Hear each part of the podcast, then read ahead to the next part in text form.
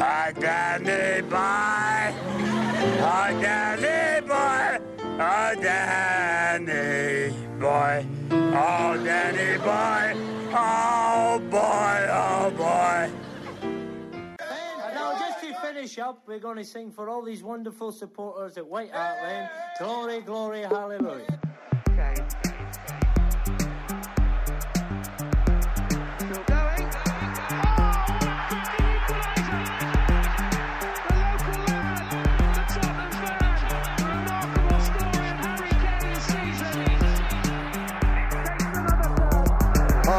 Graham Roberts, and I'm listening to the Golden Cockerel podcast.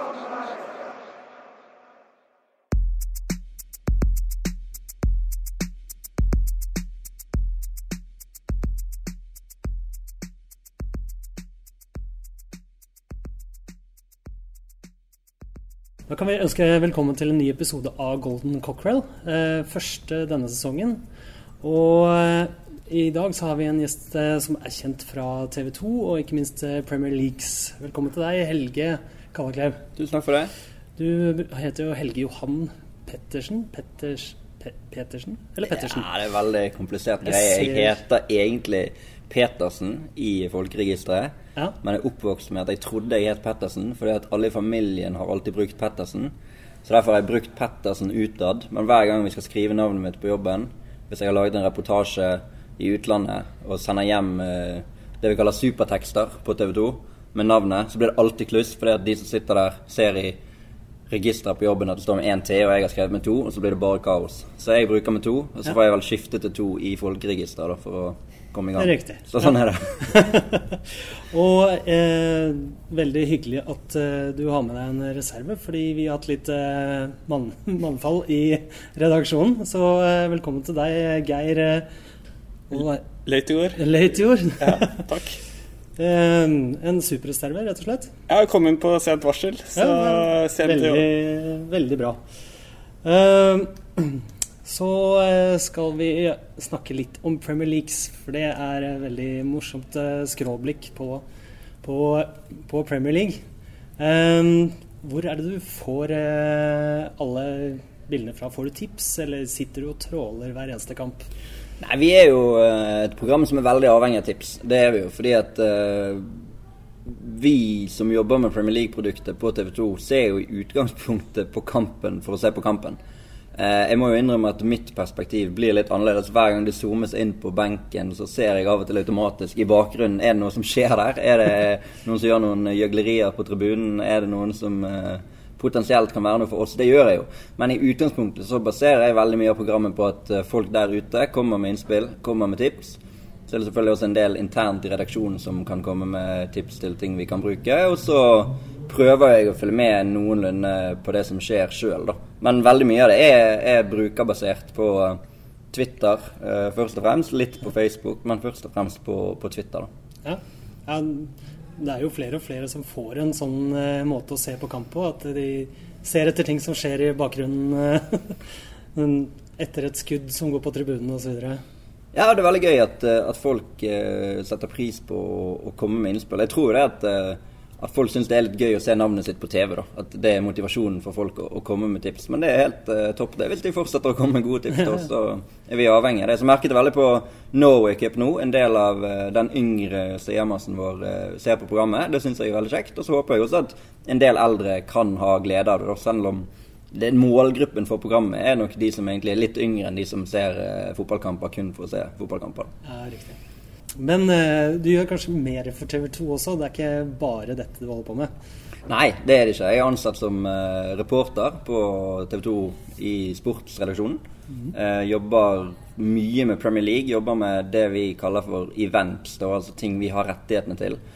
Skriver en del på nettsidene våre.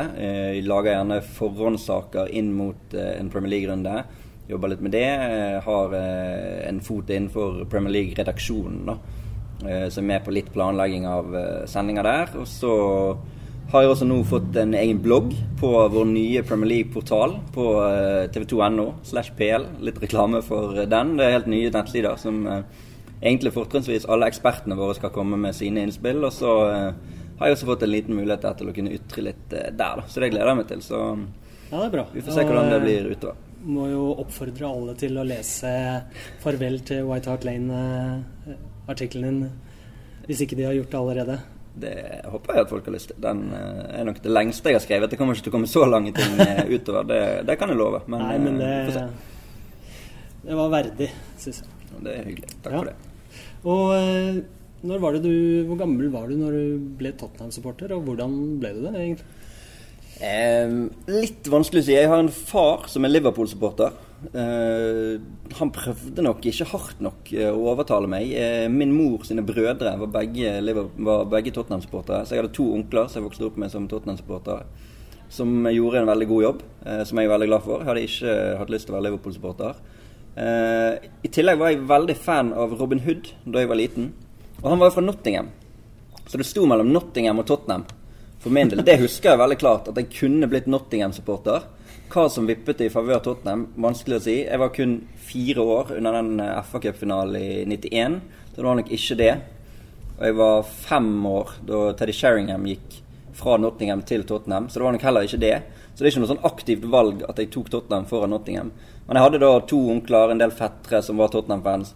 Jeg fikk mye drakter, den type ting. Og så um, skjønte jeg at det var en nordmann der, Erik Thorstvedt, som mange har uh, snakket om, at er grunnen til at de holder med Tottenham. Og det var nok noen av de aspektene der da, som gjorde at også jeg eh, ble Tottenham-fan. Steffen Iversen, klarte han å forsterke kjærligheten? Ja, men da var jeg allerede Tottenham-fan. Da var det ikke aktuelt. Jeg husker jeg, jeg husker jeg leste i avisen når Jørgen Klinsmann kom til Tottenham. Og VM i USA i 1994 er liksom det første mesterskapet jeg husker veldig godt. Og han hadde skåret et mål der han løp og jublet. Jeg ser liksom for meg det ansiktet hans i Tyskland-drakt som jubler, og så var han plutselig Tottenham-spiller. Og da, eh, da skjønte jeg at eh, det er ingen vei tilbake. Så, men Steffen var jo selvfølgelig med på å gjøre at interessen ble opprettholdt. Jeg hadde Iversen-drakt eh, nummer eh, Ja, er 18. så ja da. Første draktnummeret mitt var nummer 18 på Baune, som var klubben min eh, da jeg var liten. Da. Så Klinsmann Iversen hadde jo 18. Du nevner Klinsmann. Er det favorittspiller, eller det Ja, han var liksom den første sånn ordentlige Darren Enderton var den første jeg hadde drakten til. Fra, eh, fra liksom eh, barndommen. Det var før vi fikk sånn ordentlig trykk på draktene. Det var sånn, Jeg gikk på Steve Paramount bort og fikk et sånn svart uh, trykk som jeg egentlig ville brukt på Ja. nasjonale klubblag og, og den type ting. Så jeg hadde en uh, Enderton-drakt. Og så hadde jeg en England-drakt fra EM i 96, husker jeg, med Hoddle 10 på Ja. ryggen. For da hadde jeg fått lært av min onkel at han var, uh, han var hans favorittspiller. Da? Det var liksom en tid før det. Men Enderton var første favorittspilleren, og Klinsmann var jo på en måte I tillegg til Enderton, så var det Ginola. Baserte mye av min egen karriere på Ginola. Utelukkende drible. Ikke så mye filming, men drille, drille, drille. God på skudd, begge bein. Øve på begge bein, for det gjorde Ginola. Så han tok litt over der. Steffen Iversen selvfølgelig ved siden av. Og så eh, man, Etter hvert som man blir eldre, så blir jo på en måte ikke det der favorittspillerblikket på det like konkret. da. Men eh, jeg, har, altså jeg har hatt mye drakter opp igjennom med forskjellige, bare fordi jeg har likt det. Jeg hadde en Steven Carr-drakt, husker jeg. En Pedro Mendes-drakt hadde jeg, nummer åtte Mendes. Husker jeg hadde den på meg på White Hat Lane første nyttårsdag 2005, kan det ha vært det. Vi vant 5-2 mot Everton. Dean Marnie skåret to mål. Pedro Mendes skåret ett mål. Pedro Mendes var så god. og Det sto en fyr bak meg, en gammel mann, en eldre mann, bare pekte på ryggen min. 'You have the shirt, you have the shirt'. Så det var jo en grei dag å ha Pedro Mendes-drakt på. Ja, det- det... var rett før han hadde den fra midtbanen mot uh, United. Det var uken Ja. før, tror jeg, eller samme uke, eller noe sånt. Så det må ha vært 2005. Er det, er det litt uh, kleint å uh, nå ha signert Clattenburg som Vi hadde, vi hadde, vi hadde Mark Clattenburg på besøk i Bergen i vår. Et sånt seminar der han talte for oss og snakket en og en halv time. da, annet om, om den situasjonen her. Og da måtte jeg jo si det til han etterpå at uansett hva du sier, så kommer jeg egentlig aldri til å tilgi deg for den der. Du kan være så hyggelig fyr du bare vil. Men det der var helt forferdelig hårreisende. Og han var jo for så vidt enig i det. Men han måtte stole på assistenten sin. Og assistenten gjør jo en elendig jobb der. For selv om han ikke er i linje og ikke kan se det, så bør han se det. For hele verden ser det på TV. Så det, den, ja, altså den er så langt inne at den er nesten bak nettet. Så det Ja. Nei, andre drakter Tom Huddlestone husker jeg hadde drakt av. Og Ledley King, da. Champions League-drakt med Ledley King, husker jeg. Den første Champions League-varianten der, 2010-11. Så han er jo en legende som eneste, den eneste store sånn favorittspilleren jeg har hatt i, i nyere tid. Da. Ja. Så det har vært Han noe. er jo en fantastisk klubbspiller òg. Ja, absolutt. Så er det jo enkelte som kanskje vil hevde at hvis han ikke hadde vært så mye skadet, så hadde han kanskje blitt fristet vekk, han òg. Men eh, jeg velger nå å tro at han hadde hatt lyst til å bli uansett, jeg, da. Ja, det håper jeg òg. Harry Kane virker jo som litt den typen. Ja, jeg tenker jo at Kane er Jeg tror ikke han vil spille for noen andre. I hvert fall ikke, i hvert fall ikke nå, da. Og Nei. selv om liksom, det har vært litt snakk om tynt med Manchester United og Men jeg kan ikke se at han har lyst til å spille for Manchester United i stedet for uh, Tottenham. Tenker du, Geir? Altså, det er vanskelig for oss, Vi er Tottenham-supportere, så det er lett å si. Men han er Tottenham-supporter sjøl. Altså, hvorfor skal han ville spille for United? Ja, det, jeg ser ikke helt uh, grunn til at han skal dra dit heller. Uh, han er sånn som må spilles inn i laget litt. og Det er ikke bare å, å plassere han på hvilket som helst lag, som vi har sett. Det er jo, det er jo penga. Det er det Ja, det er jo det, men jeg tjener såpass godt allerede. Altså, jeg skjønner det. Vi skal jo komme tilbake til det seinere med andre spillere i klubben vår som enten er i klubben nå og kanskje vil vekk, og noen som har skiftet klubb allerede. Men eh, jeg ser ikke at den pengefaktoren skal være så motiverende for eh, Kane. Altså. Nei, jeg tror eh, Skal ikke overraske meg hvis han har fått seg en sånn kontrakt eh, à la Keane eller Lampard. Sånn joint top earner. Eller Lampard hadde vel at han skulle tjene 20 000 mer enn nestemann. Mm. Ja, det kan godt hende. og Da Så ja. får håpe det er nok. Vi eh, skal videre. Hi, I'm Ledley King, and you're listening to the Golden Cockerel podcast. Da går vi videre på å snakke litt om eh, sist sesong. Eh, det var jo en strålende sesong eh, sett med Tottenham der. Eh, men personlig så var jeg allikevel litt skuffa. Jeg hadde trua en stund der på at vi skulle klare det. Hva, hva, tenker, hva tenker dere?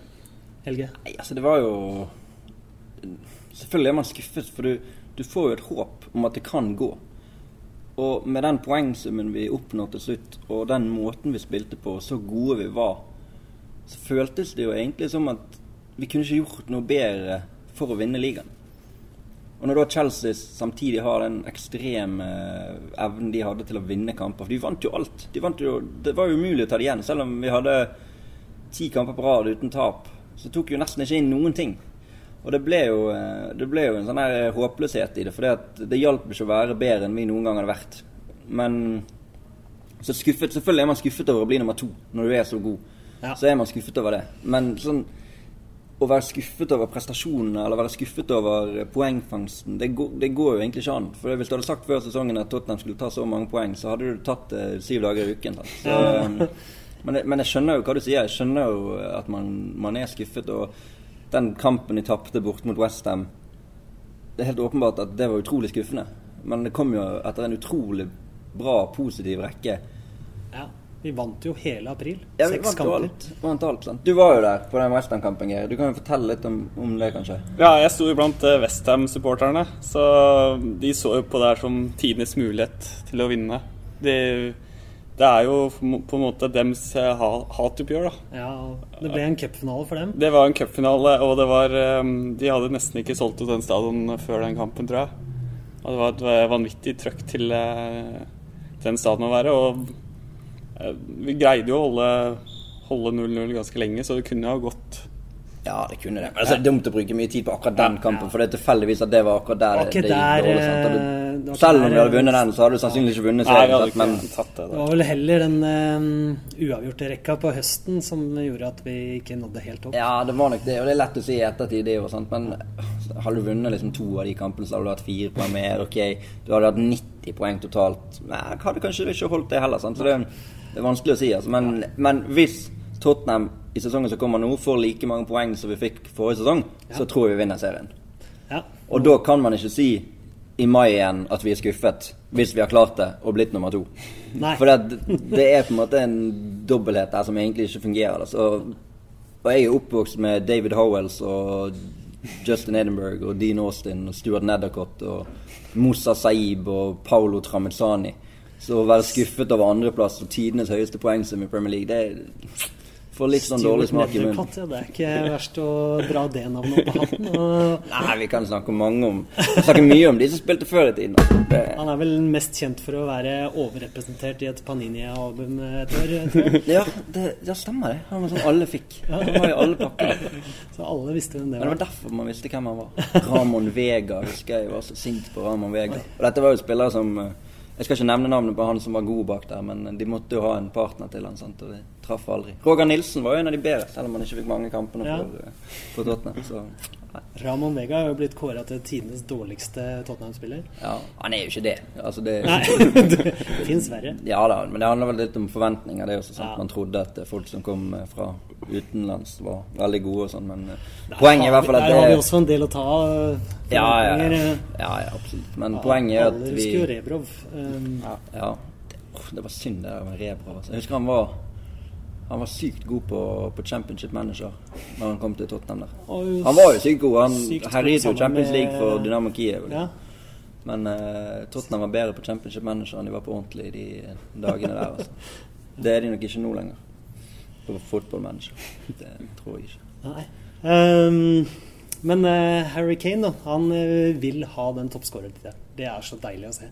De to siste kampene Jeg sitter fortsatt og bare Hvorfor kaptein er ikke han på Fantasy? Altså, det, Ja, Det- det, det er jo åpenbart at du burde gjort det, sånn sett i ettertid. Men eh, jeg var jo så heldig. Jeg fikk jo være der borte eh, på jobb for TV 2 eh, og intervjue han i eh, oppkjøringen til den kampen mot Manchester United, den siste på White Lane. Dagen før, var det fredagen? Var det, to dager før, da. Det var vel søndagskamp. To dager før den kampen mot United. Da, da var jeg på treningsfeltet til eh, Tottenham. Fikk intervjue Harry Kane. Skulle lage en sak hvor vi skulle intervjue både han og Marcus Rashford to dager etter hverandre. Så vi skulle lage en sak om de to om hverandre, og det ble jo greit nok. Det fair enough. Og så spurte vi litt om det å skulle spille siste kamp på White Lane, og hvordan det var, og hva var liksom drømmene og ambisjonene og sånne ting. da. Og han var jo veldig klar på det. Han håpet å bli sistemann som skårte på White Lane. Eh, det ble han jo ikke. Det ble jo Rooney, men i hvert fall siste det ble vel Tottenham-spiller ble han. Fertongen eh, som hadde en liten tå Ja. på det, det er sant. Men ehm, Og så var han veldig klar på at han hadde ikke gitt opp å bli toppskårer. For da lå han jo bak Lukaku. Han hadde vel et par mål opp til Lukaku når det var to kamper igjen for Lukaku og tre igjen for, eh, for Kane sjøl, da. Eller det var kanskje tre for Lukaku, for de hadde en fredagskamp. Ja. I hvert fall. Så uh, skåret han jo det ene mot eh, United, og så herjet han fullstendig med syv mål på to kamper. Men troen på å bli toppskårer var der absolutt. da Og du så det på han, at, og jeg skjønte på han at dette er noe som betyr noe for han. Ja. Han sitter der og uh, sitter 20 cm unna meg og lyger ikke når han sier at 'dette vil jeg', da. 'Dette har jeg lyst til å få, få til', da. Så han uh, Det er tydelig at det betyr noe for han. Så jo det bildet han la ut her nå på sosiale medier tidligere i uken, at de to gullstøvlene ved siden av hverandre. Ja. Nå har de fått plass ved siden av hverandre på hyllen. Så det, han har plass til flere på den hylla. Ja, det- Vi får bare håpe at han uh, kommer seg i gang. Kanskje han skårer mål i august da, denne Ja, gangen. Det har jo ikke han gjort ennå. eh, Det er jo noe Vikestad nevner hver eh, august. Ja. Hver Tottenham-kamp. Nå har han ikke spilt så mange kamper i august. Nei, Det- han har vel ikke det. Det var vel den forrige sesongen nå. Ja. Da spilte han jo litt der, men Ja. ehm, hvordan er han å prate med, egentlig? han er veldig hyggelig. Altså. Han, er, han snakker litt rart. han har sånn eh, merkelig Det høres ut som litt sånn som danskene. At han har et eller annet i halsen når han snakker. Virker som tunga er litt for stor Ja, på munnen. ja, eh. det er nok noe med det. Men han utrolig hyggelig fyr. Jeg har jo intervjuet han to ganger på treningsfeltet til Tottenham. Første gangen i uh, forfjor blir jo det nå. Etter at Leicester hadde vunnet serien, og at uh, tittelkampen var over og det var avgjort. Og da var det en fin dag, sol oppe på treningsfeltet der. Vi får være utendørs. Vi var én reporter fra, fra Premier League Productions, altså de som eh, lager eh, TV for Premier League. Og så var det Sky Sports, og så var det en fra E ISBN i Brasil, og så var det meg, da. Og så på de der situasjonene der, så er det sånn at du får eh, ja, åtte-ti minutter hver med spillerne sånn i utgangspunktet, da.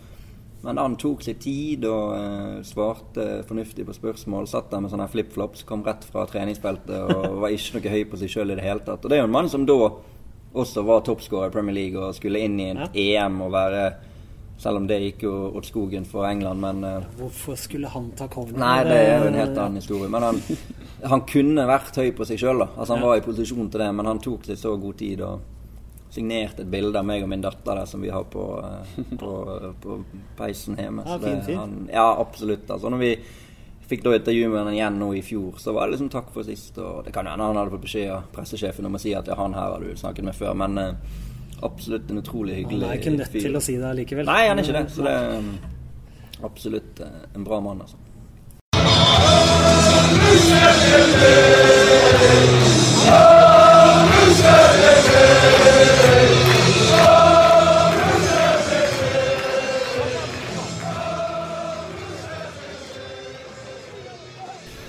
Ja, eh, nå har vi jo sagt eh, farvel til Wild Hart Lane eh, i en sesong hvor vi skåra 80 mål.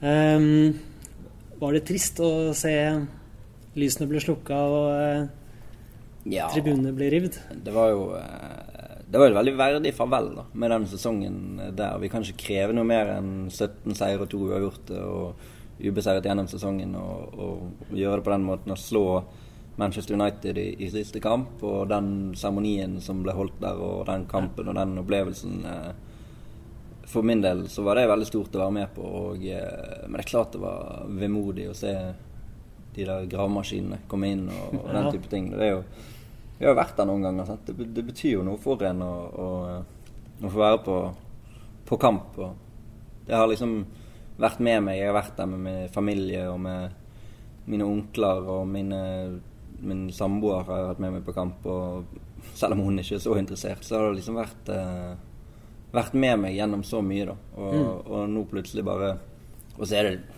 Jo da, vi flytter 100 meter, og det er ny verden og den type ting, men det er noe med å kjenne på den eh, nostalgien man opplever og, og når du kommer inn der. Liksom, jeg klarer å drømme meg litt tilbake til første gang jeg var der og motstanderens keeper sto og viste Hitler-hilsen til tilskuerne og fikk eh, bot i ettertid. Så kan jo dere sjøl gjette hvilken kamp det var, men eh, det var første kampen min på White Lane. Da var jeg ni år. så... Ja. Jeg har vært med på mye der, så det, det er klart det betyr noe når, eh, når plutselig veggene skal rives ned og Ja, det kommer Kommer ikke til å komme inn igjen på den måten igjen, da. Så, Nei. Det er klart.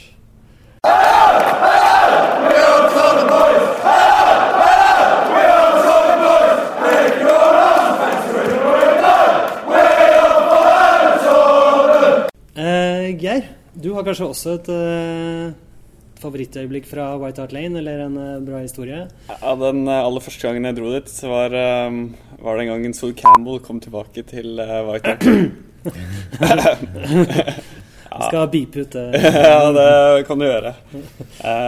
Men uansett, da, så var det jo Arsenal fikk vel det første målet, og helt på slutten der så var det vel Gus Poyet som satte en volley inn på slutten der. Men det, var, det var spennende for en, en ung gutt å se Sol Campbell ble dusja i forskjellige Ja. drikker. Ja, ja. ja, det var ikke en varm mottakelse han fikk. Nei, det var, eh, det var, eh, det var bra. Ja. ja det er... Eh, vi skal over til eh, silly season. Nå er den straks over. Eller, eh, selv om overgangsvinduet er oppe til og med 1.9.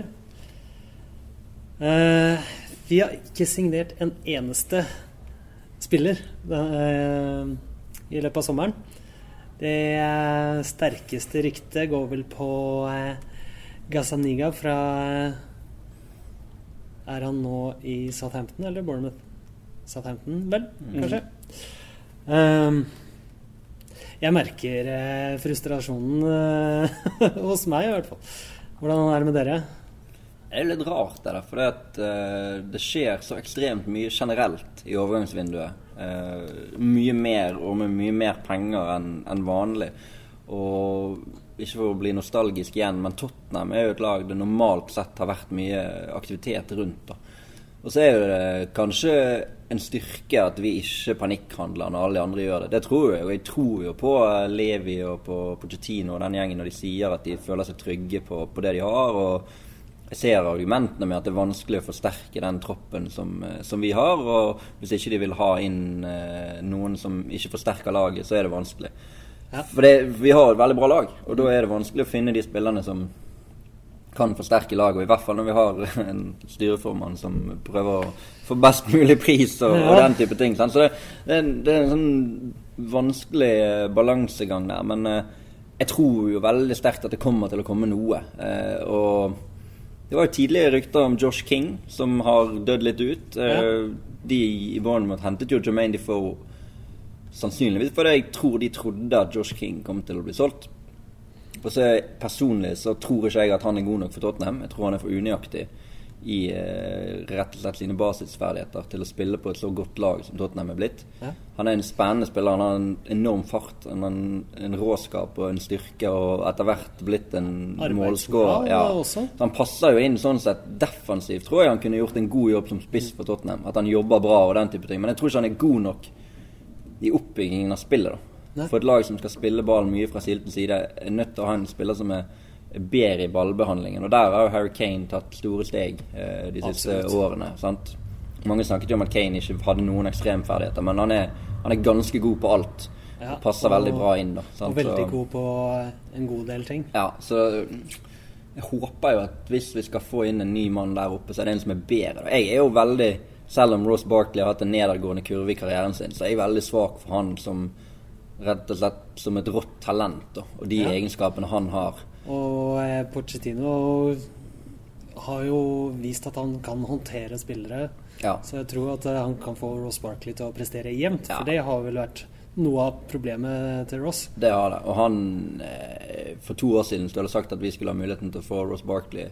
Så hadde jeg tatt han hver dag i uken. For han har noe med seg som er litt sånn ekstraordinært. Og hvis du kan få ut igjen det av han, så er det veldig positivt for han. Og så kan du si at 50 millioner pund det er jo helt hinsides. Men alle koster jo 50 millioner pund nå. Så ja, og Walker gikk for 50 ja, millioner pund. Så når du får det for Walker, så må du kanskje regne med å betale det samme for Barkley, da. Men jeg ser jo for meg at det der blir en sånn her eh, deadline day, eh, halv tolv, eh, 34 millioner pund pluss add-ons og lønnstak på 90 000 pluss noen bonuser eller et eller annet sånt. Men vi ser vel heller at vi ikke signerer noen, enn at vi får en ny Sissoko. Ja, det gjør vi jo. Selv om han der Sissoko-greia er merkelig. Altså, for han, altså, han var banens beste i EM-finalen. Og det er et år siden. Eller er et år siden nå. Så går det an å håpe da at han kan eh, komme nå i sesong to. Vi har jo noen Ja. eksempler på spillere som har eh, blomstret mer i sesong to. Hvis, la oss si at vi ikke hadde hentet Sissoko og Jansen forrige sommer, da. Ja. Og Lamela. Hvis, hvis han nå kan komme tilbake, så har du tre spillere der som kommer til å bidra inn i troppen, som nesten ikke gjorde det forrige sesong. Og du henter liksom toppskåreren i Nederland og banens beste i EM-finalen og Lamela fra Roma-dagene Ja. Hvis du kan få de tre til å, til å fungere, så har jo du flere strenger å spille på enn det vi hadde forrige sesong, uten å hente inn noen nye. Men jeg tror jo at det kommer en back, da. Eh, Ja, det må jo nesten gjøre det. Ja. Nå eh, har vi jo også en eh, Akkurat i dag så kom det en eh, artikkel i eh, en avis som heter The Sun, som ikke er kjent for å ha De kan vel eh, vri litt på sannheter og sånn, men eh, det virka jo som et ganske ekte intervju fra, fra Danny Rose. Ja, det er jo eh, Du kan ikke finne på den type sitater. Altså, Nei. En ting er å skrive en Hvis det hadde vært en artikkel uten sitater, på en måte basert på hva de har hørt, eller hva de tror de har hørt, Ja. Så går det an å si litt at nei, dette er sikkert bare tull. Men å fabrikkere sitater, det tror jeg ikke selv den avisen gjør. da. Men hva, hva kan vi gjøre med Danny Rose? Nei, Vi snakket jo litt om det på vei, på vei Geir. Eh, Hvis, hvis det er en mulighet å få Luke Shaw Ja. en motivert Luke Shaw under Pochettino, som han har gjort eh, store fremskritt under tidligere, kontra å ha en umotivert Danny Rose som vil spille i nord for å være i nærheten av familien sin, bla, bla, bla, i hermetegn. Ja. Altså, jeg skjønner at han vil ha penger, uh, men det kan jo hende at han også har lyst til å være i nord. Det er fair enough, det. Jeg ville jo ikke automatisk sagt at det var en nedjustering for Tottenham, selv om Rose har tatt store steg de siste årene. ja. Og så så jeg de uttalelsene. Det var 'jeg var god før Pochettino kom', eller et eller annet sånt. Var det, Det var han jo ikke. Nei, han var i hvert fall ikke så god. Altså, Nei, selvfølgelig, Han hadde jo et talent. Når og- Pochettino kom, så sa jo han at eh, 'jeg skal gjøre deg til engelsk landslagsspiller'. Ja, og det klarte han jo greit. Ja. Men jeg har jo frem til 2015 tenkt at Danny Rose burde lagt opp etter debuten sin. Fordi at han aldri kom til å ja, men Han kom aldri til å kunne gjøre noe som står i stil med det han gjorde der. sant? Altså den volleyen mot Arsenal. som var bare helt Ja, det- sinnssyk. Ja, Eh, nydelig. At, at de stegene han har tatt, har gjort han til kanskje Englands beste venstreback. Det er det ingen tvil om. Men jeg tror jo at eh, Luke Shaw, som er yngre og har spilt under Pochettino før, hvis det er en mulighet å få han, så ville jeg vært positiv til det. da. Ja, eh, la ut en poll på Twitter i dag eh, med fire alternativer. Eh, om det var det selg eller behold eller bytt med Luke Shaw og eller Martial. eller annet. Og da er det 41% som vil beholde eh, Luke Shaw. Jeg tror ikke det er sånn agent nå som har uh, sittet her og, og hva slags, om å sette i gang et spill, da. Men det er jo fortsatt når du er skada og sesongen ikke har starta, da.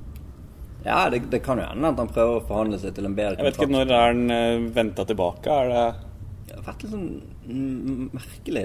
Syns det alltid er snakk om- fire uker til. Ja, Eh, men så var det snakk om oktober. Nei, kanskje han var klar i august. Og så sa han nei, det er litt vanskelig å si, altså. Men, Han har eh, jo, som du, Agenten eh, trekker nok inn noen tråder her, for de får jo eh, provisjon Ja. på alt mulig.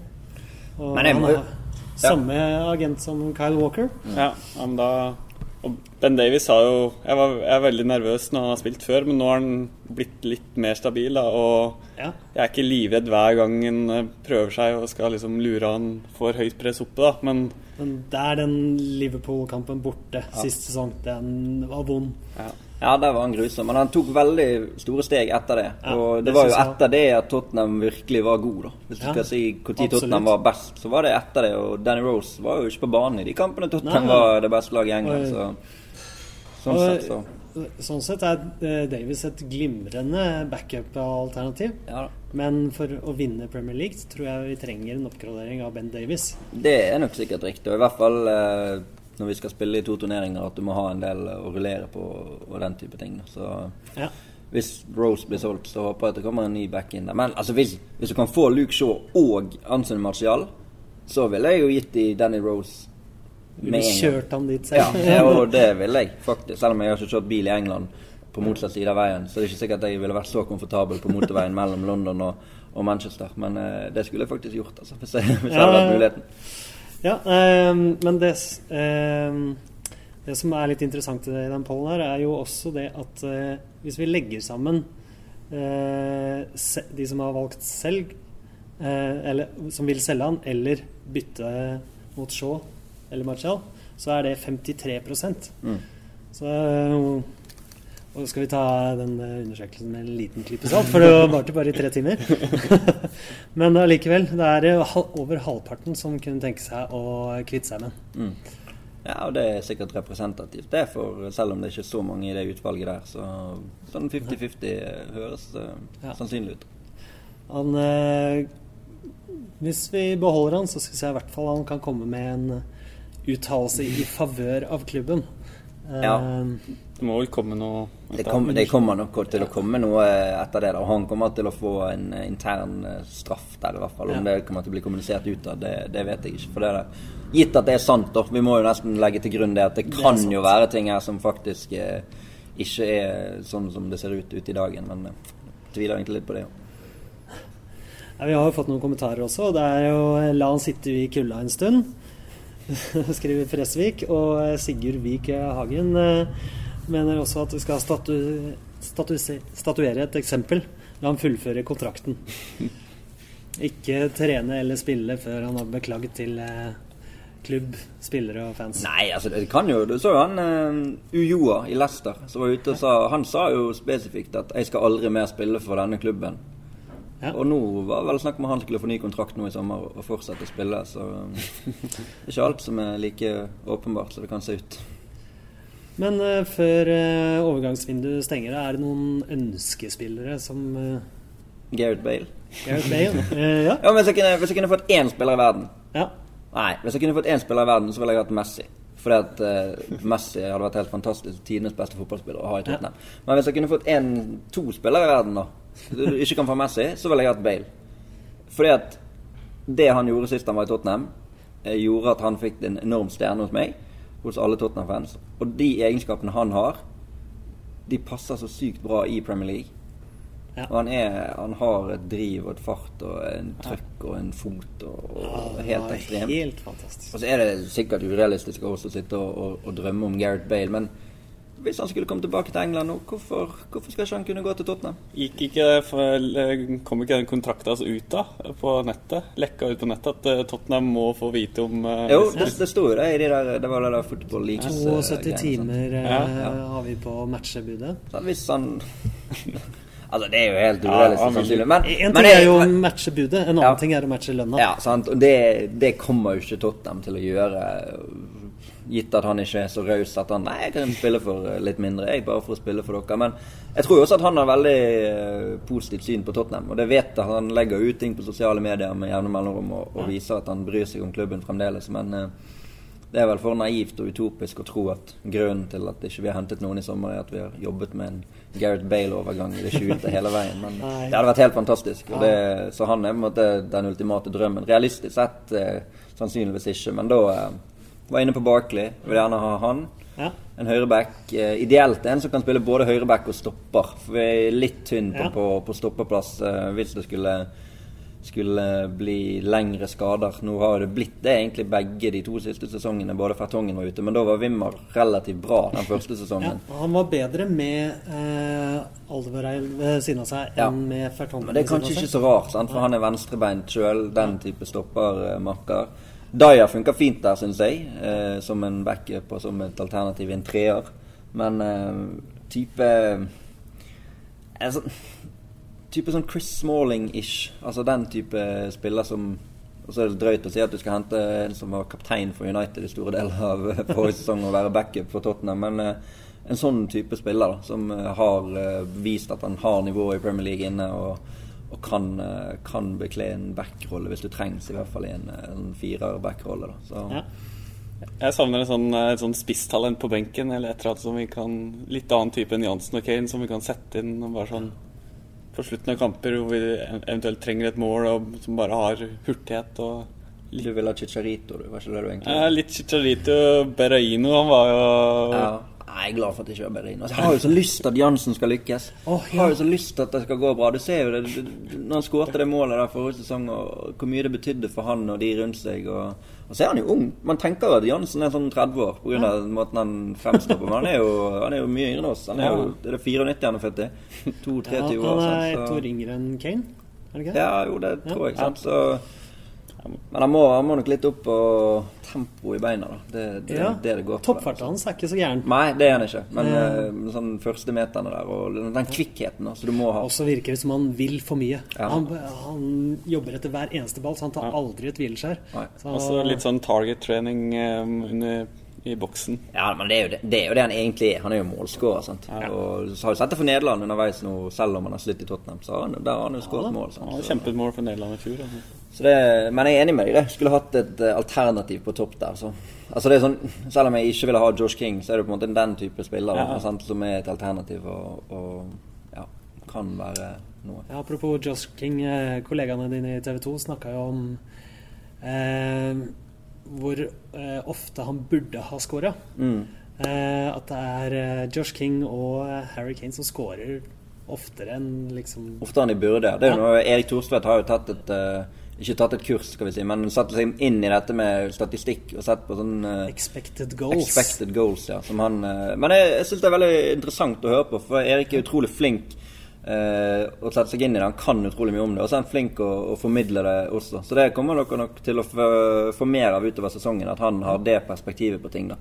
For det er et expected goal. Sant? Hva, hvor mye er det forventet egentlig både på spillernivå og på klubbnivå? Hvor mange mål man egentlig skårer i en kamp, og at Josh King egentlig har uh, hatt litt flaks. Skåret uh, mer mål enn uh, han sannsynligvis kommer til å gjøre igjen. Da. Så vi laget en sak om det på våre nettsider tidligere i uken. og i denne 100-timerssendingen som jeg er en del av nå på, på Premier League, eh, oppkjøringsbiten vår. Så Ja, vi må nesten bevege oss videre, for du skal holde quiz i kveld eh, Ja. på Scotsman. jeg skal ha quiz i dag, Ja. torsdag. Så dere som hører dette, det er litt for seint å melde seg på, men eh, kanskje dere så på det. Så jeg gleder meg til det.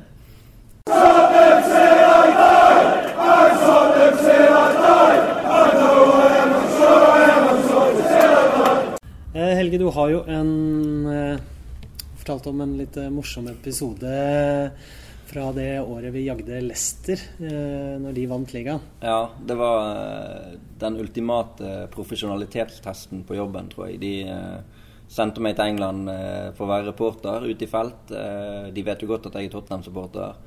Målet var liksom at du skal være der når Leicester vinner serien. Uansett hvor tid det er. Så da var det sånn De gjorde jo ikke det for å teste meg, selvfølgelig, men det føltes jo litt sånn, da. Så jeg dro til Leicester på den søndagen de skulle spille mot Manchester United. Paul Trafford kunne vinne ligaen. Eh, det gjorde de jo ikke. Det ble 1-1. Eh, dagen etter, mandag, Leicester vinner ligaen hvis Tottenham ikke vinner over Chelsea. Så jeg ble plassert på en eh, pub midt i sentrum av Leicester. Sto der i midten av de mest hardbarkede av de hardbarkede Leicester-fansen som hadde ventet på at de skulle vinne ligaen hele livet. Sant? Eller de hadde ikke ventet på det engang, de hadde ikke trodd på det. Men inne på den puben Og jeg var den eneste der i sikkert mils omkrets som håpet at Tottenham skulle slå Chelsea. Og Tottenham tar ledelsen 1-0, og jeg kan ikke gjøre noen ting. Jeg kan ikke vise det på noen som helst vis at dette er jeg glad for. De tar ledelsen 2-0, og jeg ser bare på folk der at de, det var sånn en bank holiday. De hadde drukket hele dagen. Så det var jo dritings hele gjengen. Og de drakk seg eh, egentlig bare vekk for å glemme og tenke at eh, ok, vi har flere muligheter. Denne matchballen kan vi Eller vi har flere matchballer å ta det hjem på. Og så kommer det en, en fyr bort der, en mann i ja, Han må ha vært i 50-årene, tipper jeg. Sånn typisk engelsk pubmann. Litt uh, dårlige tenner, kort i håret, ubarbert. Uh, og liksom ja, kan, kan dette gå, liksom? Og nei, vi, vi får ta det. Vi får prøve mot Everton på lørdag. Vi vinner serien da, liksom. Og så sa jeg, sa jeg til han sånn Nei, you just need one goal. Og han bare ja, ja, vi får se på det. Og så skåret jo Gary Cale for Chelsea 1-2. Og han peker på meg, kommer bort til meg. You said it, you said it. Og så uh, sier jeg yeah, just one more goal, and then, then you're there, liksom. Bare være høflig. Jeg håpet jo selvfølgelig ikke at det skulle skje. Og så kom det der uh, grusomme målet som hver gang jeg tenker på Eden Hazard, så ser jeg bare for meg at han bøyer han opp i hjørnet der. Og da kommer han mannen bort til meg sånn You said it, you said it. This is the greatest day in my life. And I've got three children. Og så kysset han meg på kinnet og liksom var helt der. Og Så jeg var jo selvfølgelig der og da å være med på den der Leicester-festen, det var jo helt ellevilt, og noe jeg ikke ville vært foruten. Men jeg står jo der og egentlig er sånn halvveis knust inni meg fordi at drømmen om Tottenhams ligatittel er knust. Selvfølgelig. Og så ser jeg i ettertid at det er utrolig gøy for Leicester å vinne den. Og det hadde vært mye verre hvis jeg hadde skulle stått der mot klubber som vi ikke nødvendigvis trenger å si navnet på i denne podkasten. Men, men eh, der og da så føltes det veldig sånn eh, Jeg skal stå her og være kjempeglad, når jeg egentlig er litt skuffet for at eh, det gikk som det gikk, da. Men eh, sånn er det nå. Det er jo en profesjonell eh, jobb man har, så jeg må bare gjøre jobben min. Ja, ja det er en morsom historie med litt feil utgang. Ja, vi får håpe at det blir motsatt neste gang. Så skal vi se litt eh, framover. Det er jo sånn at eh, vi signerte et par spillere for, for forrige sesong som ikke slo til. Og, eh, men det er jo andre spillere som har eh, slått til fra andre sesong og utover. Så kan vi forvente oss noe av eh, Vincent Jansen, George Kevin Nkodo og Sissoko? Eh, jeg tror vi I hvert fall sånn når jeg ser til preseason, så ser i hvert fall han Nkunku litt, uh, litt bedre ut i år enn det han gjorde i fjor. Da, da ble han jo mest satt inn på siste fem minutter som eh, Som en sånn slags ja, Tidsfordriv? ja, Skog-player. altså, men i år så tror jeg liksom vi må ha litt høyere forventninger til han. da, At han skal komme og utgjøre en, mer, eh, en større forskjell. da. Eh, enten blir han bare en ny sånn Clinton Njaye, liksom, som bare kommer inn og ikke gjør så mye ut av seg. Jansen, han, eh, han må jo også prestere litt bedre i år. Eh, første året kan man må godta at de bommer litt og, og ikke er helt på, men eh, jeg tror i år så må han forsvare den, de pengene han kosta, da. Vi får jo håpe. Det er jo egentlig spillere som er hentet fordi man trodde de skulle ha noe å bidra med. Og vi ser jo at vi stoler mye på Pochettino og, og hans team og hans eh, avgjørelser. Så hvis man kan få det beste ut av Sissoko, så vet man jo at han har mye å bidra med. Men eh, litt sånn posisjonsmessig, jeg klarer ikke helt å se hvor han skal eh, For han er ikke noe wingback, sant? Og han er ikke noen sentral midtbanespiller. Han blir fort det borte mot ja. Newcastle. Jo, han blir gjerne det. Og der er han sikkert supermotivert sjøl. Han Mm. filmet seg vel til straffe Mot forrige gang han spilte der i en Newcastle-Tottenham-kamp. Så Ja. Uten at man skal oppfordre til det, så hadde det ikke gjort noe. Man har i hvert fall klart å få en straffe vår vei denne gang. Men han er vel kanskje best i en sånn midtbanetreer, da, der han er en form for indreløper. Ja. Og det er jo ikke en rolle han nødvendigvis vil kunne få i Tottenham. Så um, Nei, ikke på den måten vi spiller. Nei, men han, men han har jo et voldsomt driv da, i seg, så eh, jeg håper at det skal være mulig å kunne få noe. Hvis, hvis han blir værende. Det er jo ikke sikkert. Ja. Det kan jo hende. Det har vært litt rykter rundt han ute også. Så. Trabzonspor ja. Tyrkia. Tyrkia. Der var vel Didier Sokora òg, kjenner jeg. Jeg tror han var i Trabzonspor etter han var i Det- Tottenham. Viktig å snakke litt om Sokora. Ja, ja, ja. Han kom inn og skulle erstatte Michael Carrick, så gikk vel ikke akkurat som det skulle. Selv om toppnivået var bra. Fart, fart i beina. Eh, ikke- Og så var det litt mye armer og bein av og til. Ja, veldig, veldig mye armer og bein. Hi, this is Graham Roberts, and I'm listening to the Golden Cockerel podcast. Eh, du har jo med deg en eh, Didier Socora-T-skjorte som vi skal eh, lodde bort Ja. til en quiz. Og da har du et fint spørsmål. Du har vært inne på det tidligere. Ja, vi nevnte jo litt sånn i sted når vi snakket om Right At Lane og hva det hadde betydd for meg. Så spørsmålet er jo rett og slett hva var den første kampen jeg så på Right At Lane? Og hvem ble matchvinner for Tottenham i den kampen? Det blir morsomt å se eh, hvor lang tid det har før noen nailer den. Og det er altså en nydelig Didier Socora-T-skjorte som eh, er premien. Eh, vi har jo eh, Mange påstår at vi har 38 bortekamper denne sesongen. Mm. Eh, hva, hva tenker du om det, Geir? Eh, jeg tenker vi har spilt oss litt mer inn på Wembley nå etter Champions League. Treningsbane er vel tilpassa Wembley nå, sånn jeg har forstått. Da, og den Juventus-kampen, da syns jeg at eh, det var gode tendenser, da, selv om Juventus bare dro dit sikkert for en sånn London-tur. Men, men eh, jeg føler liksom Og den Chelsea-kampen som vi også tapte, var brukbar, syns jeg. Så jeg føler at vi har spilt oss inn litt bedre der nå. Offensivt. Er ikke bekymret i det hele tatt for at uh, Wembley skal passe Tottenham. Det tror jeg eh, vi bare kommer til å være enda bedre. Og det var jo først etter at vi var ferdig med de Champions League-kampene at Tottenham begynte å bli veldig gode forrige sesong. Og den på en måte Tottenham-stilen som begeistret så mange utover våren, ble jo nesten ikke prøvd på Wembley. Altså Det var den Gent-kampen som var en sånn ja, jeg vil kalle det et slags unntaksnivå. For det, Harry Kane skårer selvmål, og Dele Alli ble utvist. og det, det er sånn som på en måte ikke skjer. da. Og Og så- Allikevel så er det uflaks at vi taper. ja, ikke vinner. Ja, det er jo egentlig det. Så, så, så det var litt sånn rart. Og den, som du sa, den Chelsea-kampen i semifinalen i FA-cupen er vi jo veldig gode, selv om du kan ikke si at det er bra å slippe inn fire mål. Men, eh, og, og Wembley-spøkelset. De lagene vi har spilt mot på Wembley, har jo vært veldig gode lag. Eh, Chelsea semifinaler og finale i ligacupen, den type ting. Du skal ikke møte Chelsea hver av de 19 kampene. sant? Nei. Tottenham har ikke spilt på Wembley mot uh, Burnley og Crystal Palace og Swansea og Huddersfield og Brighton og Newcastle. og det, det er en del lag der som forhåpentligvis skal være mulig å kunne spille ut på, på Wembley. da. Men det er klart at defensivt, med det intensiteten i spillet som Tottenham har hatt og, og lagt opp til, og, og presse høyt og, og den type ting, så har det vært lettere på White Hart Lane enn Ja. det sannsynligvis kommer til å være på Wembley. Men vi får jo håpe at de har, eh, som du sa, trent på, på målene. og 500 kvadratmeter mer, det høres mye ut, men det er ikke så mye i verken lengden eller bredden. da, Sånn i, Nei, isolert sett, så vi får se. Så øh, vil jeg gjerne øh, vite om dere har noe tabelltips. Ehm, vi kan jo eh, starte med hvem dere tror rykker ned. Altså nå er det veldig lett å si at eh, ja, Brighton og Huddersfield de vet vi lite om. Eh, de er nye i, i ligaen, nye på nivået, så de rykker ned. Jeg tror ikke nødvendigvis det er så enkelt. Chris Huton har vært flink tidligere med klubber som han har tatt opp. Og så fikk han nok for liten tid med Newcastle i Premier League da han var der sist. Så jeg tror egentlig at Brighton kan gjøre det, kan gjøre det bra. Jeg er veldig skeptisk til Crystal Palace eh, med Frank de Boer-stil og skal inn og ta over et lag som helt åpenbart trengte en Sam Allardyce approach til ting forrige sesong. Så de tror jeg kan være svake. Swansea, hvis de mister Gylfi Sigurdsson Jeg liker jo Swansea, så jeg syns det hadde vært dumt om de skulle gjort det, rykke ned. Men eh, litt usikker på de.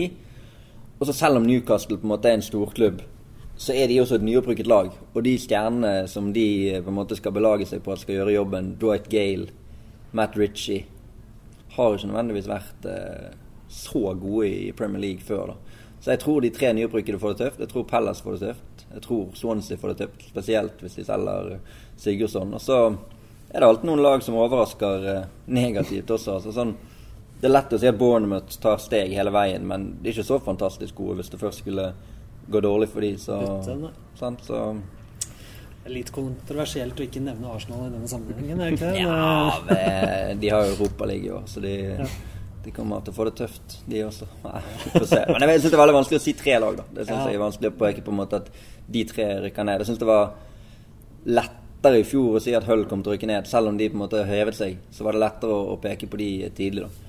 Og Burnley må jeg også nevne. De kommer ikke til å ha den enorme hjemmebanefordelen Nå har de solgt eh, de har. Andre Gray også. Og Michael Keane. Ja. Så, så hvis du tvinger meg til å si tre, så sier jeg eh, Huddersfield, Burnley og Crystal Palace. ja. Og hvor plasserer du Tottenham? Førsteplass. Herlig. Jo, men vi må være ambisiøse. Tottenham Absolutt. har blitt bedre og bedre hele veien. Og eh, jeg tror eh, Hvis Tottenham har seks poeng etter to kamper, så tror jeg vi vinner serien. For da har de kommet over det der Wembley-spøkelset.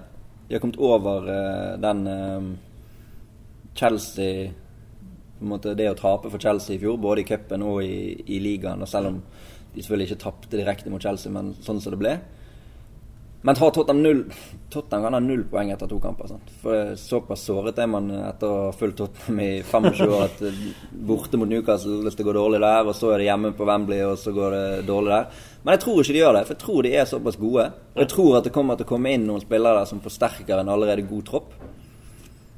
Og jeg klarer ikke helt å se Selvfølgelig City og Manchester United er gode. Altså De kommer til å være bedre. Og de må jo vinne. De har et enormt press på seg. Guardiola og Mourinho har enorme press på seg, begge to. Men Tottenham var Altså, Hvor mange poeng var de foran United forrige sesong?